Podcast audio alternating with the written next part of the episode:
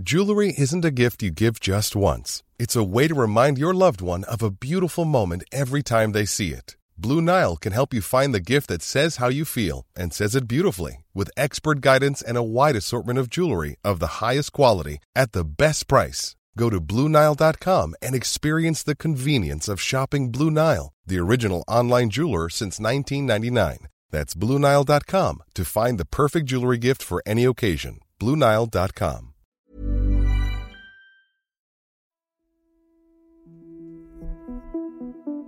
Ur en strikt vetenskaplig synvinkel har ingen av de ungefär 100 miljarder människor som levt på jorden kunnat meddela sig om ifall det finns något liv efter allt detta. Och kanske är det därför människan är så fast besluten om att försöka hålla sig kvar i det liv vi vet att vi har. Du lyssnar på Idag för ett tag sedan, en produktion av Novel Studios. Idag, den 12 januari, fast 1967, dör psykologiprofessorn James Bedford. Han är cancerpatient och har varit beredd på den här utgången länge. Beredd, men inte villig att släppa taget.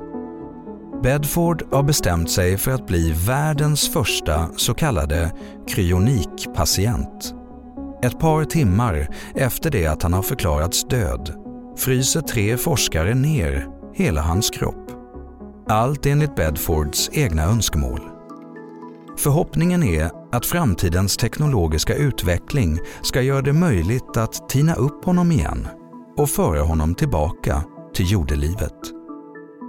Idag befinner sig James Bedfords kropp fortfarande i fryst tillstånd i Arizona. Hans hopp om att någonsin kunna tinas upp med önskat resultat får nog anses vara fjärran. Men utvecklingen av kryonik har gått framåt en hel del sedan 1967. Det ska såklart sägas att de här försöken hör till kategorin pseudovetenskap. Men det har åtminstone tagits fram sätt att frysa ner en kropp till extremt låga temperaturer utan att cellerna förstörs. Idag beräknas 250 mänskliga kroppar ligga nedfrusna på några av de kryonikanläggningar som finns runt om i världen. För den som känner sig dragen till en frusen men potentiell evig tillvaro finns flera alternativ, så länge plånboken är stor nog. Vissa aktörer marknadsför kryonisk nedfrysning som en typ av begravning som till skillnad från jordfästning och kremering inte helt utesluter människan från framtidens vetenskapliga landvinningar. Att börja fundera kring kryonikens möjligheter är som att öppna locket till en filosofisk Pandoras ask.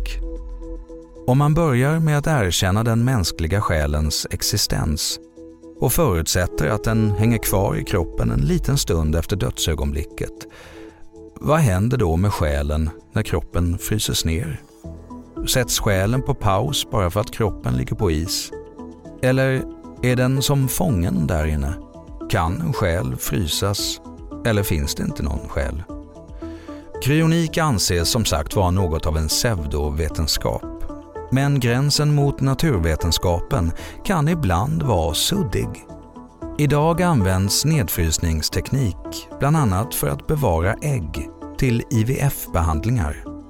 1999 föddes världens första barn som kommit till genom att ett fryst ägg tinats och befruktats. En del av ingredienserna till ett mänskligt liv kan vi alltså redan frysa ner och tina upp. Kanske är steget till att även kunna sätta döden på paus inte fullt så långt som vi tror. Tack för att du har lyssnat på Idag för ett tag sedan som publiceras måndag till söndag. Följ gärna programmet i den app där du lyssnar. Vi hörs imorgon.